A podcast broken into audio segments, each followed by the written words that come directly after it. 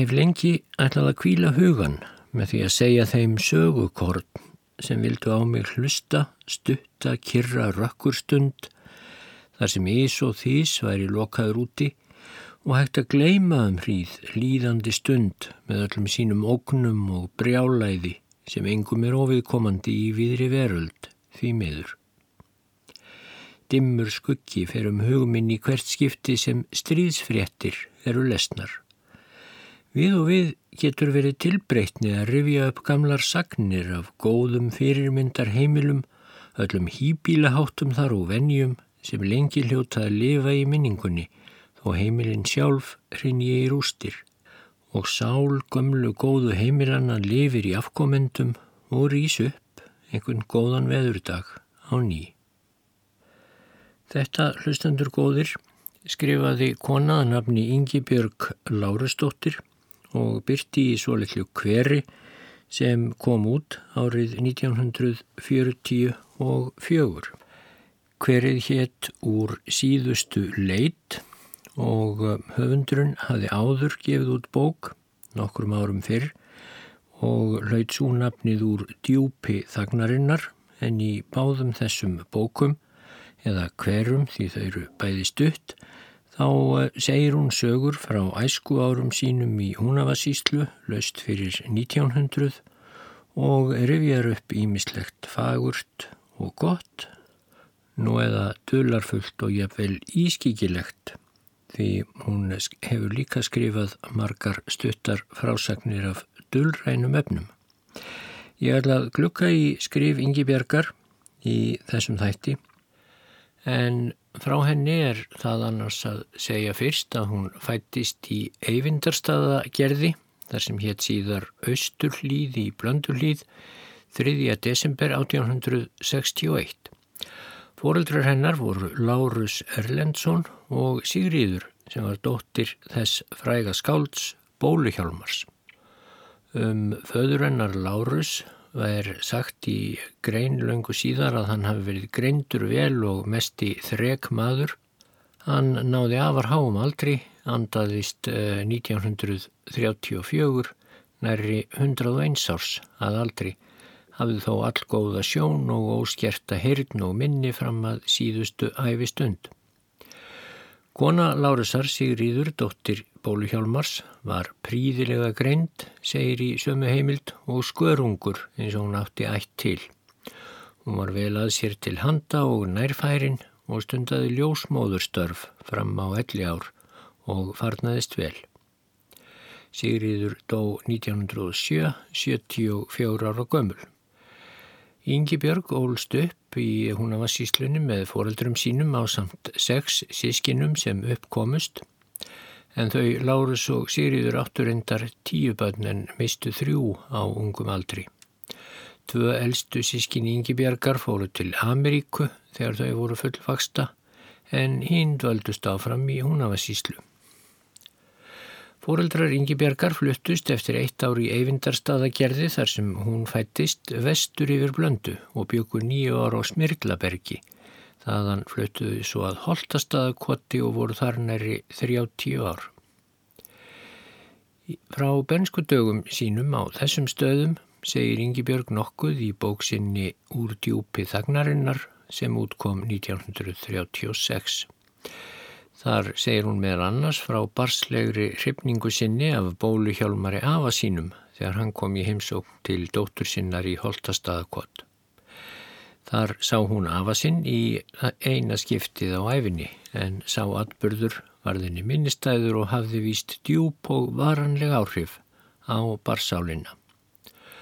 Fóreldrar Ingi Bjargar voru fátæk en barnahópurinn stór og því voru oft þröngt í búi sem að líkum lætur var því að krefjast mikils starfs af hverri vinnandi hönd á heimilinu eins og það er orðað í grein um Yngibjörgu áttræða gafst henni því lítið tóm til bókalesturs eða náms þótt hugur hennar neyðist mjög til þess.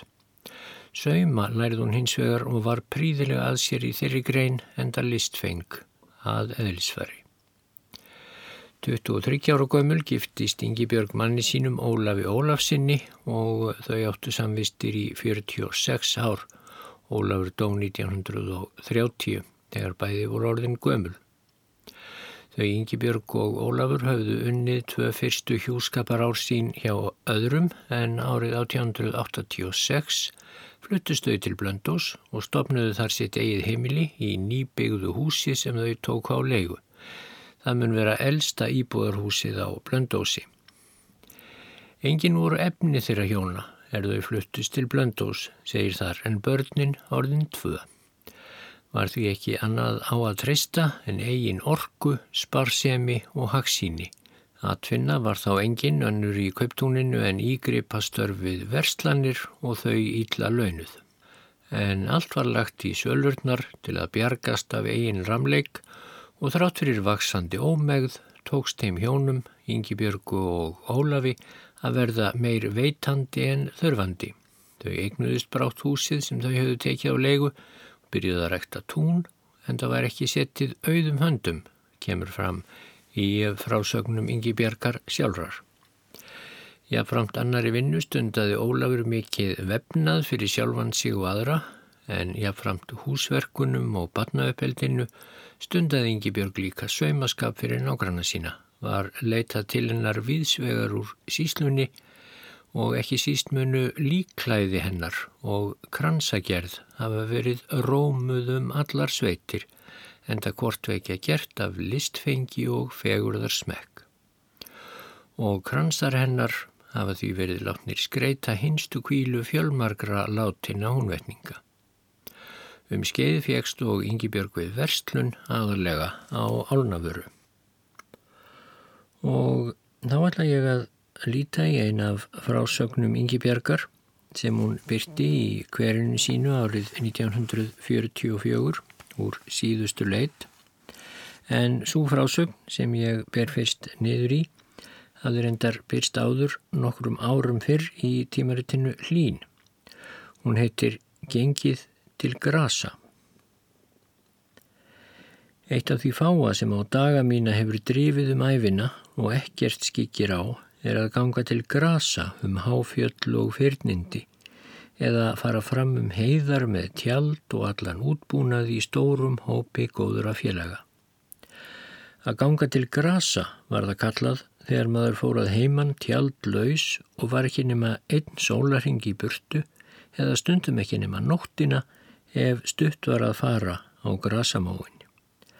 Það var góðviðris kvöldvitt, rétt fyrir fráfærurnar, loftið var þygt, sólinn var gengin jöfnu báðu miðaftans og náttmála, taðan á túninu lág í legu og stargreysið í mýrinni var að hækka. Þar vall spóin gladlega en lómurinn vakti niður við ána. Götturinn lág í hlaðvarpanum og nefndi ekki að hreyfa sig í hittamállunni og krist aftur augun svo hann sæ ekki fyririldin sem flöguruðu allt í kringum hann. Fadir minn stóð í skemmudýrunum úti á hlaðinu og tindaði hrífu. Hann leiti lofts því að skindilega dró fyrir sólina. Annarkort er þetta hýta uppsláttur eða hann kemur með þóku og súldi í nótt, sagðan. Hann saði þetta að nokkur leiti við sjálfan sig og að nokkur leiti við móður mína sem kom sunnan frá læknum með nokkur mjölkurtróg sem hún reisti upp í bæjarþýlið til þerris. Hvað sínist hér um að sýsturnar skripin út til grasa í nótt, saðan. Það eru síðustu forfuð, ég geti mistaður í annað bráðlega, því nú kallar allt að, fráfærurnar, kveipstadarferðin og slátturinn. Ekki tala ég um hver gott væri að fá ögn af blessuðum grösunum, saði móður mín, um leið hún gekk út fyrir túnið til okkar. Það hefði verið lítið um brauð og gröð hjá okkur í vor ef ég hefði ekki haft svona mikið af grösum.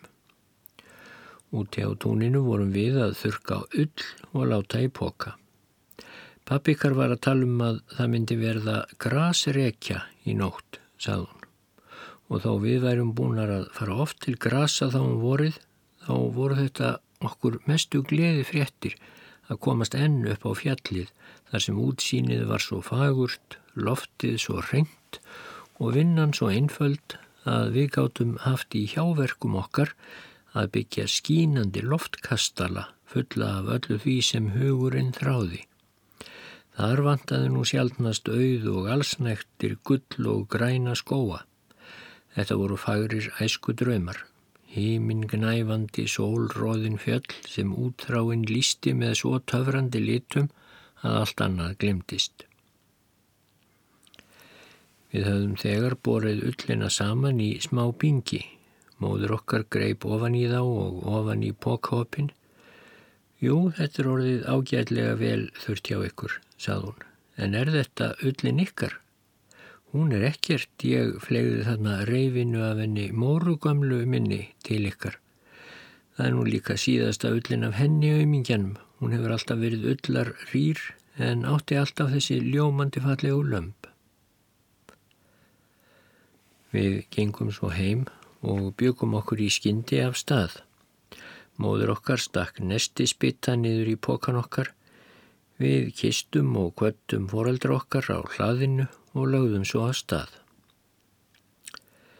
Efst upp á brekkubrúninni sem er skamt fyrir ofan bæin þar settumst við nýður og litum heim. Við sáum foreldra okkar verið að týna sundur ullina.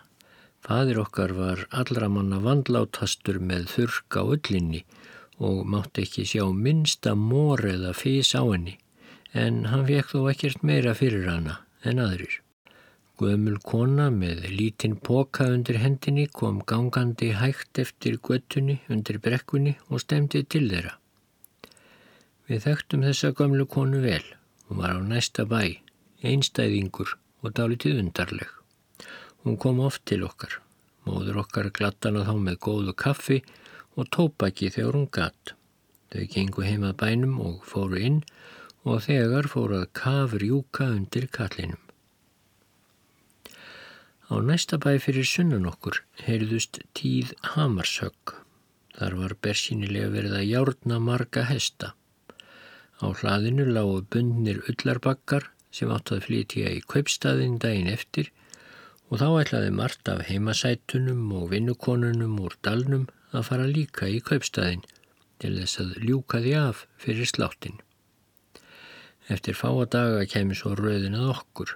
Þá skildum við ekki gleyma því að taka eitthvað fallegt handa móður okkar og fara með heim og hlökkuðum við nú til að koma með það heim til hennar, töluðum um að engin ætti eins góða móður og við og óskuðum að geta endurgóldið það í fullum mæli. Hátt upp í fjalli hóuðu svo smalarnir svo að undir tók og stór hópur af kvíja ám rann heimáleið, hægt og bítandi. Gráð þoka lættist utan dalinn og áðurinn varði var heimilið okkar horfin, dalurinn allur horfin og við sáum varla fyrir mjörri fjárgötunni sem við gengum á. Þetta er ljóta gerninga þokan sem allt í einn er skollin á, saði ég. Nú göngum við beint í trölla eða álvahendur. En við vorum raunar þreyfandi kunnugar á þessum stöðum og heldum því örugar áfram en lengi vel töluðum við lítið saman. Fjallið er bratt og erfitt upp að ganga, þánga til komiðir austur í skarðs skarð sem svo kallast. Það liggur gegnum fjöllin milli Langadalsins þar sem við sístur ólumst upp og Lagsárdalsins að austan. Skarðið er fallegt að sumrin og grasi vaksið en hríkaleg auðun er þar að vetrinum. Hérna á hægri hönduð okkur er vist Kettlingardalurinn, saði sýstir mín, átti ekki Kettlinga hafa orðið hérna úti fyrir langa löngu. Það eru nú fleiri sagnir um það sem ganga manna á milli, saði ég, og svo fór ég að segja henni hvað ég hefði heyrt um það efni. Við vorum þá komnar upp á lágan ás og skildum brátt ekkert í því að okkur fannst koma sterk reykjarlikt á mót okkur eins og af lingi og hrísi og í kvöldkýrðinni heyrðum við aukinheldur glögt strokkljóð og lækjarnið. Við vorum þarna allt í einu komnar til mannabegða. Bærin var ekki stór eða reysulegur En vingjarlegur var hann og hlílegur. Hurðin stóð opinn upp á gátt og við sáum inn í eldhúsið þar sem skýðu logaði undir geysi stórum mjölkurpotti. Mikið af mjölkurílátum stóð úti og inni var verið að strokka í tvennu lagi. Niður af selsvegnum stökk stór mórauður hundur og gelti að okkur í ákafa og gerði selráðskonunni byllt við.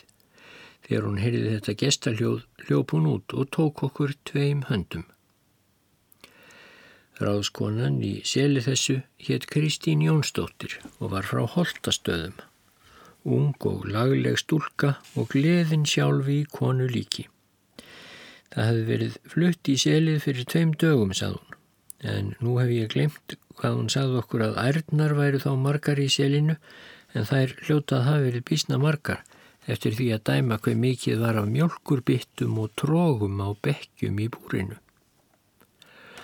Baðstofan þarna í selinu var lítil með reysi fjöl og glugga upp á þekju og söðurlið. Rúm voru undir hliðunum en lítið borð fyrir stafninum og var það nú alþakið með heitu flatbröði, nýju smjöri og nógri mjölk og var það okkur mikil svirði. Á meðan við borðuðum töluðum við á hlóum Sélstúlkurnar spurðu okkur eftir öllu neðan úr dalnum eins og þeir væru búin að vera heilt árað heimann en ekki bara tvo daga en hugur þeirra kvarlaði líka við og við til smalana sem ekkert letu nú til sín heyra og nú var klukkan sjálfsagt farin að ganga tíu. Rættastar voru þær um að smala gregin hefðu vilst eða tapað ánum. Hvortvekja var ílt en þær gáttu ekkert gert nema býða átekta. Svo kvöttum við þessar kátu sélstúlkur og heldum söður í fjöllin en fundum það reyndar nær ekkert af grösum. Allstaðar voru mosaþúfurnar upptættar við séð að fólk hafi nýlega verið þarna að týna grös og leist okkur nú ekkert meirinn svo á blikuna því ofan á þá mæðu að finna engin grös vissum við ekkert hvar við vorum standar. Brátt fundum við þó í bröttum geira, ögn af grösum og nokkru síðar staðnæmdumst við í dálhlum mó sem var alþakinn stórum ljómandi fallegum skeiðagrösum sem höfðu breytt úr sér í náttfallinu. Við urðum heldur feignar og týndum nú grösi ákafaðum stund. Við vorum svo orðnar þreyttar og sifjaðar og settumst í niður litla stund til að kvíla okkur. Við heyrðum þá að hundur gelti skamt frá okkur og vissum þegar að einhver smalinn var þar í námt, líklegast að hann vekti yfir ám. Svo heyrðum við að maður fór að kveða skamt frá okkur, hljóðið var hálf ömurlegt og einmannalegt í þokunni og þó urðum við fegnar að vita að við vorum ekki einar. En smalinn hvað fyrir sínar eigin tilfinningar og hugsanir. Ég fór að hlusta. Rómurinn var ekki óviðfeldin og stemman ekki heldur. Tvísvar, þrísvar hvaðan eina vísuna sem ég vissi síðar að hann hafi sjálfur orrt einn fagrann sumardag í hjásetu og þessum slóðum. Ég set vísuna hér. Kallinn er löngu dáin núna og getur ekki sett ofan í við mig fyrir tiltækið. Svona var vísan Flest í blíða fellur dá, frekum kvíða slegin, ég má býða ánum hjá, en aðrir ríða vegin. Ég lagði mig loks út af á blöytan pokan og let mig dreyma um hvaðskapin og einveru smalana og um það hvort ekki eruðu fáir sem skildu þá til fulls. Mér fannst æfinlega vera farið heldur ónærgætnislega með smalana og voru þeir þó mikils og góðs verðir fyrir sitt starf þegar það var vel af hendi leist. Oft hafði þessi karl til dæmis komið til okkar og sagt föður okkar frá mörgu meðan hann beði eftir kaffisopa sem hann fekk oft vel útiláttinn. Það borgaði sig vel því gamli maðurinn varð allur að sólskinni og skildi eftir hlýja þakklæti skeistla í hvert sinn sem hann kvatt okkur og lagði blessun sína yfir heimilið. En hvers vegna voru fóldrar mínir ekki ríkir, spurði ég sjálfa mig. Þau sem vildu svo fegin geta gert öllum gott, öllum þeim sem voru einstæðingar og fóru um manna á milli eða hafðu á einhvern hátt orðið áttavildir í heiminum og orðið þess vegna fyrir ýmsum olboga skotum. En hvað var ég nú að hugsa? Hugsaði ég þá jafnharðan. Voru fóraldra mínir ekki stór ríkir? Hafði Guð ekki gefið þeim sterkasta þáttin í allir í góðvild til annara, samúðina og fórnfísina? Ég held satt að segja að ég hafi glemt mér. Allir einu fannst mér ég heyra söng og reys upp og litaðist um. Smá móafuglar voru þarna allt í kring og sungu svo óviðjafnanlega margrattaðan morgunsöng því nú var sólinn að riðja sér braut gegnum þokumökkin. Allt stansaði og dró ekki andan. Stundin var heilug. Bjartir logandi hitaströymar fylgtu loftið. Þessi litli þýfði mór sem við stóðum nú á var eina landið svo langt sem augað eigði. Allt annað var að sjá sem einn sjór og við sísturnar einu lifandi verurnar þarna fyrir utan okkra smáfugla. Við vorum stattar þarna eins og út á eyði á reygin hafi. Slíka sjón hafði mig aldrei dremtum hvað þá augum letið. Þeim tilfinningum verður ekki líst sem greipum mig sterkum tökum og fylgtu sálmína undrun, lotningu og já tilbeðslu. Ég vissi sem var að ég stóð á efstu gnípunni á fjallinu og að allt þetta haf var þoka sem tók svo að smá fjara burt og alltaf komið þá nýjar eigjar í ljós og ný og ný útsýn byrtist. Hulin hönd tók allt í einu þókuslæðuna og svift henni burt í einu vetfangi, svo að ekkert sást eftir nema einstakant nóðri á stöku stað þar sem enn bar skugga á. Hvílík útsýn sem nú plasti við okkur, hvílík morgun dýrð. Öll þau tár sem þokan hafi grátið um nóttina voru nú orðin að glitrandi gimsteinum í ljósi sólarinnar. Ógleimanleg verður mér þessi morgun stund meðan ég lifi. Og ég vildi mega óska að unga fólkið legði leiðir sínar upp til fjalla, til hressingar og helsubótar sér, til fjalla þar sem náttúran sjálf tekur því tveim höndum og sínir því allar sínar dásemdir, þar sem hugurinn leitar herra, herra og allt við lága hverfur. Og það er ég vissum að þótt tilgangurinn væri sá að ganga til grasa eins og ég og ótal fleiri hafa gert, þá myndi það síst rýra gleðina heldur þvertamóti markfaldana. Það er ekki lítils virði að geta um leið og maður nýtur dásemda náttúrunnar aflað heimilunum ódýrar, hollrar og góðrar fæðu. Það er lífs nöðsinn eða þá að liggja við grös frammi á heiði þar sem allt umhverfið er sem útskrifuð bók af örnefnum en ekki bara leiðinlegu auðun, þar sem lesa má huldustu ævintýri liðna tímans. Svo verður allt heimalegt þegar tjöldin eru mörg og allstaðar ríkur undan köllunum og grasabingirnir smá stækka þangar til þeir eru klifjar ofan á marga hesta og máski komið kannski svo litið af sílungi í ofanálag. Nó er af vötnunum fullum af sílungi víða upp til heiða og fjalla og þá eru endurminningarnar um þessar ferðir nokkur svirði. Mér finnst eins og hressandi háfjallaloft komið hreyfingu á hverja taug og gerir mig unga í annað sinn þegar ég hugsa til þeirra.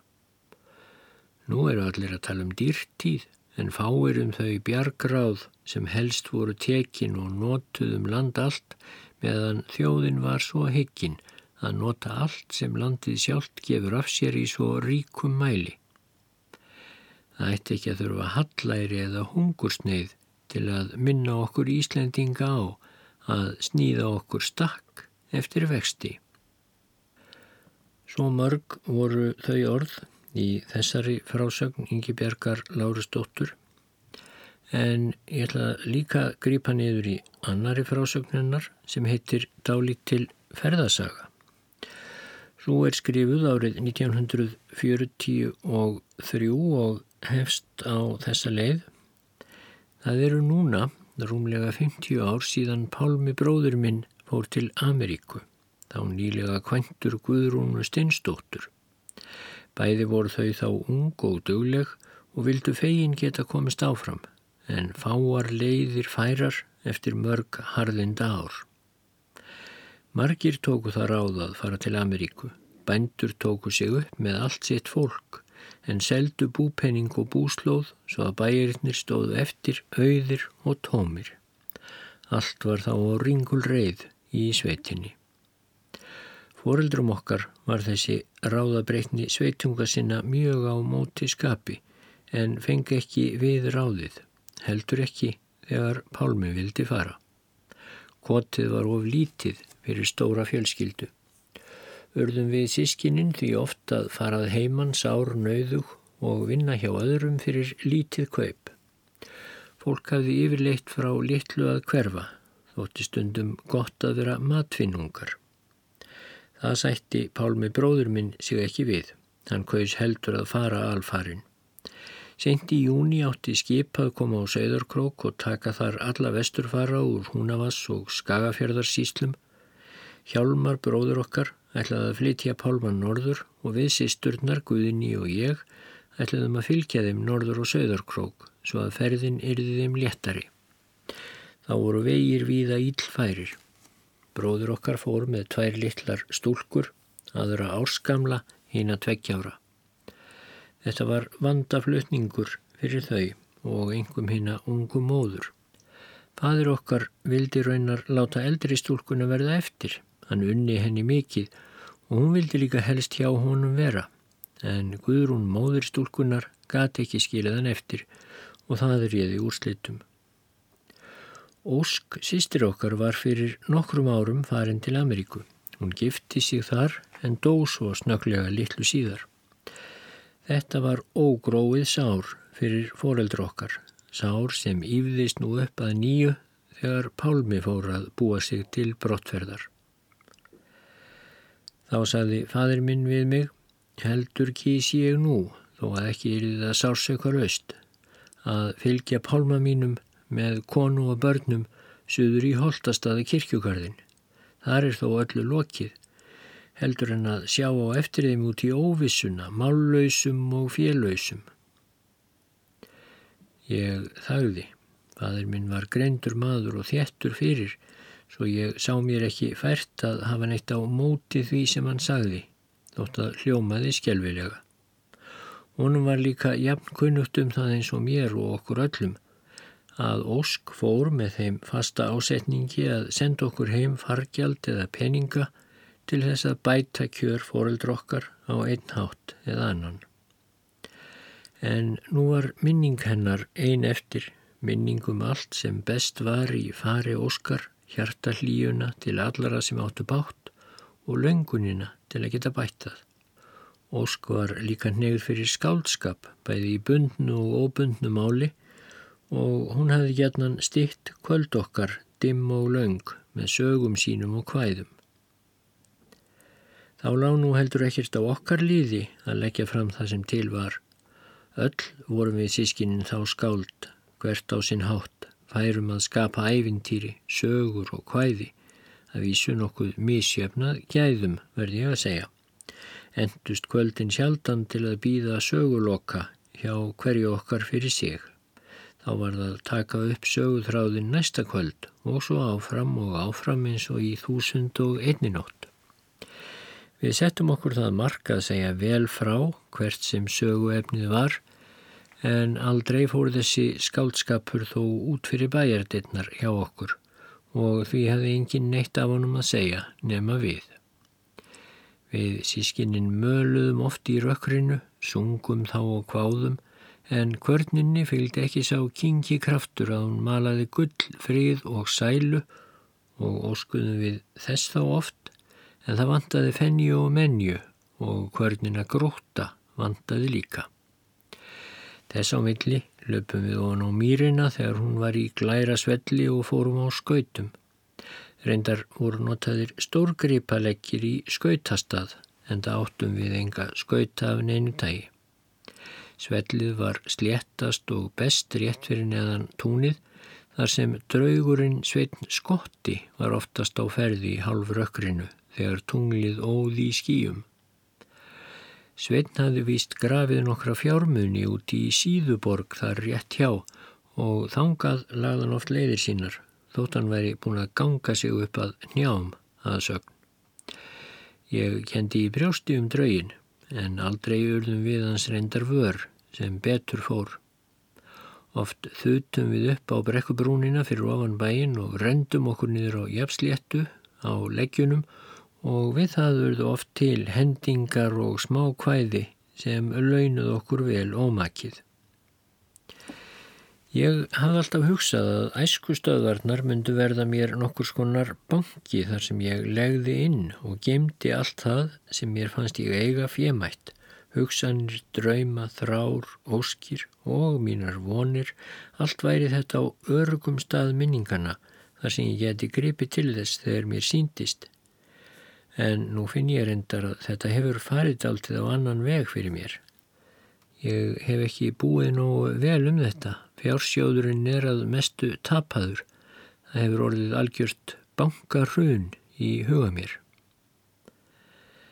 En núna þá var ég stödd heima eftir tveggjára burtveru og fann glögt hvers virði það var mér en ég fann það líka glekra en nokkru sinni fyrr hvað margt vantaði heima nú þegar Ósk var farin og aldrei hafði mér fundist erfiðar að geta bætt úr því en nú.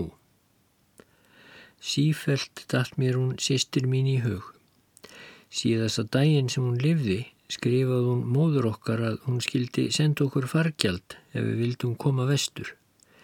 Í öllum hennar brefum lísti sér þó sama heimþráin, heim í litla lága kvotbæin sem hún hafði þó verið að flýja með vesturförinni. Þar skýði ekkert áferðinni. Þar er sól og sumar blítt sveipaði minninguna, skrifað hún. Móður okkar var reyndar ekkert á móti því að við færum öll vestur ef okkur síntist, en fadur okkar, hann gæti ekki hirt á það minnst. Konurnar í dalnum báðu móður okkar umfram allt að yfirgefa þær ekki. Hún hefði alltaf verið vinkona þeirra og bjargvættur á öllum þeirra erfiðustu stundum Hún var lengi yfirsetukonna í dalnum og þótti leysa það starf með afbreyðum vel af hendi.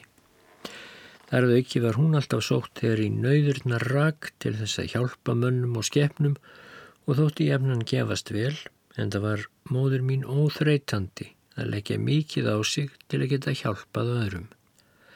En kvöldið áður en lagt var upp, þá var flest sem fara átti tilbúið, raðaði niður í koffort og kassa og sett fram í skála. Tímanlega átt að leggja upp næsta morgun. Ekki var mér svepsamt. Það var einhver ónotaleg ofleðsla í huganum. Uppi við rúminu sem ég svafi var opinn gluggi. Innum hann barst þægilegur og jafn niður í bæjarleiknum. Móður mín hafi fyrir löngu útbúið lítinu foss í leiknum og við það hækkaðan rómin og þegar við sískininn lögðumst þreytt til kvílu þá söngan okkur í svefn með sínum mjúku þægilegu nótum líkt og móðir hveður við barn. En nú gæti ég ekki sopnað. Hljóður löst komst ég fram úr baðstofunni og út, gekk upp fyrir bæin, ætlaði að jafna mig þar.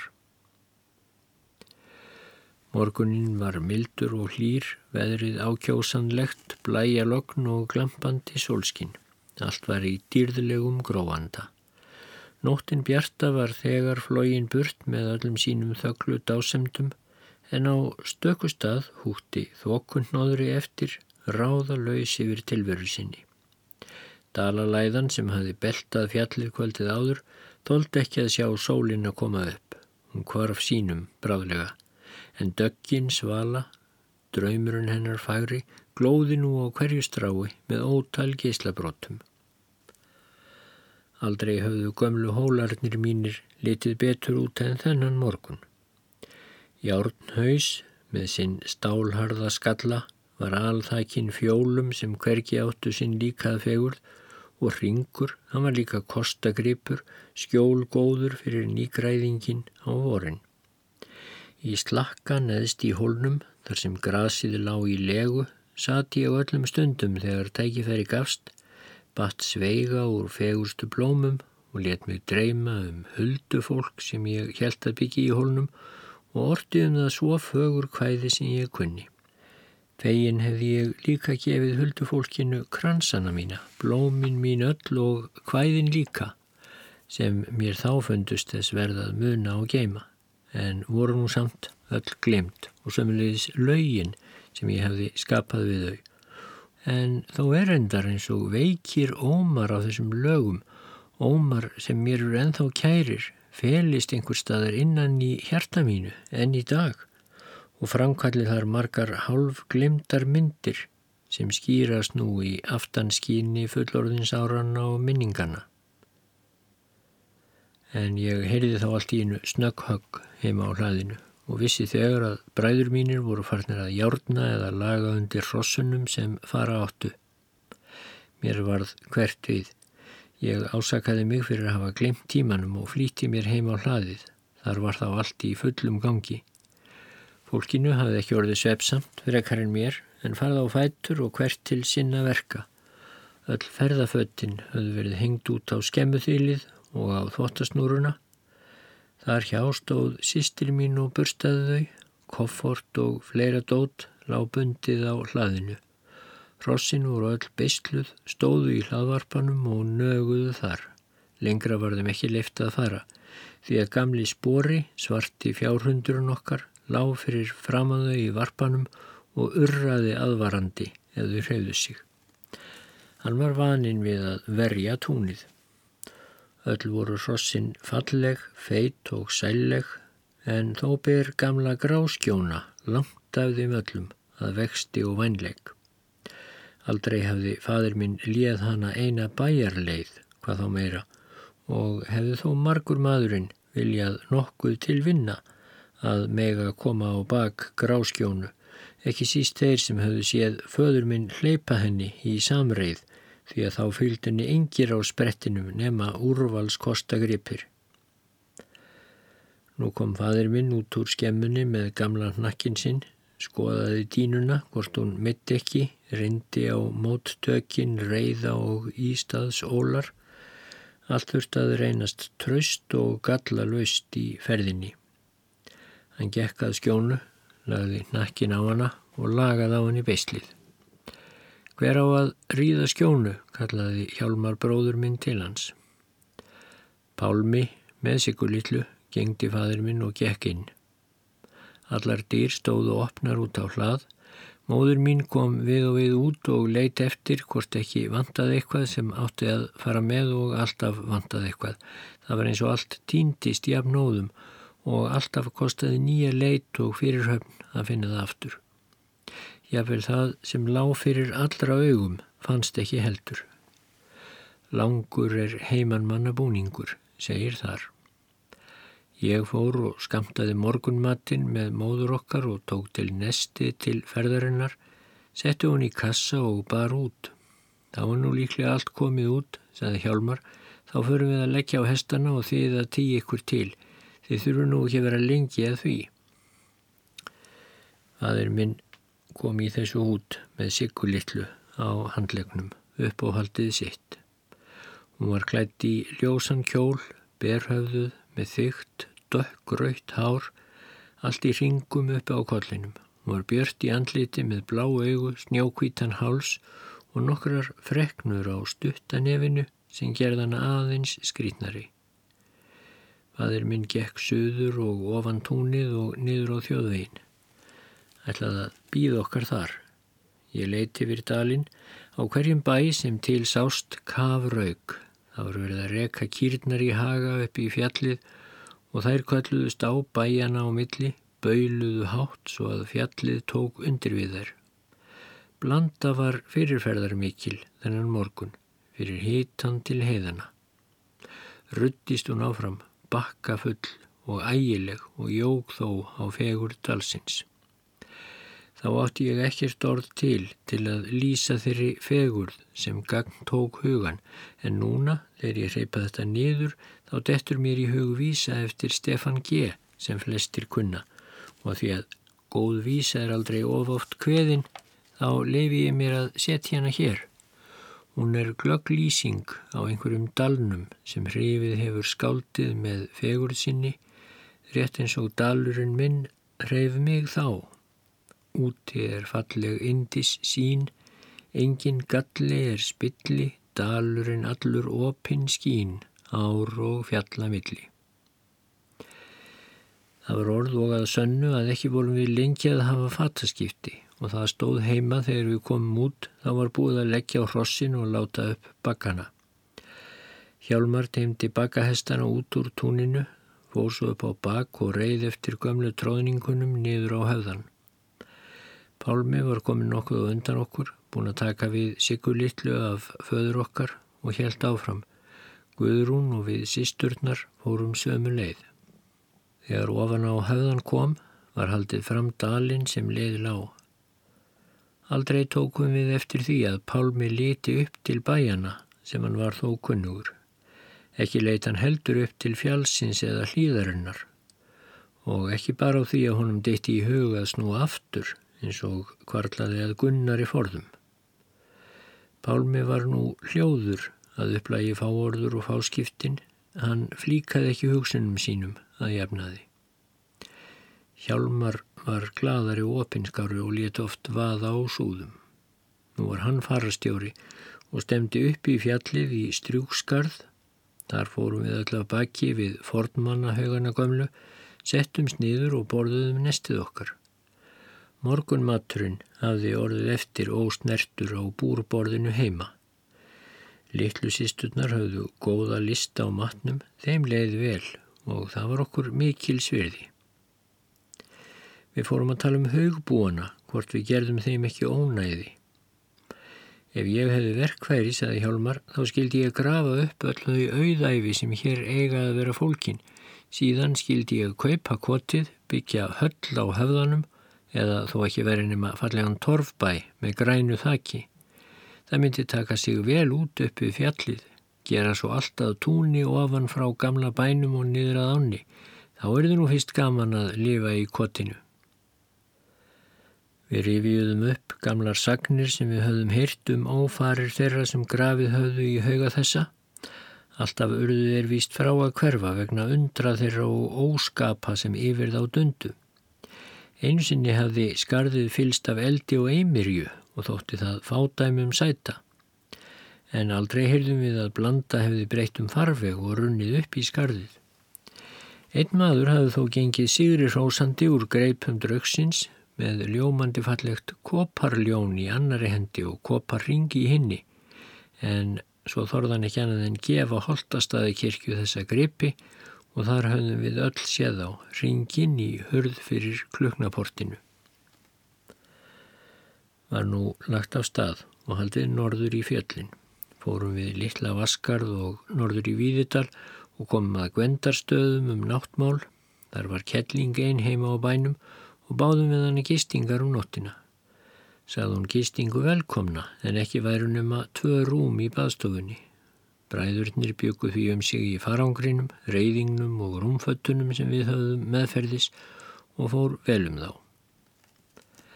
Kettlingin lefði að hafa hrossin í hólunum skamt fyrir norðan túnið en sagðist þú kvíða því ef kallsinn kemi heim.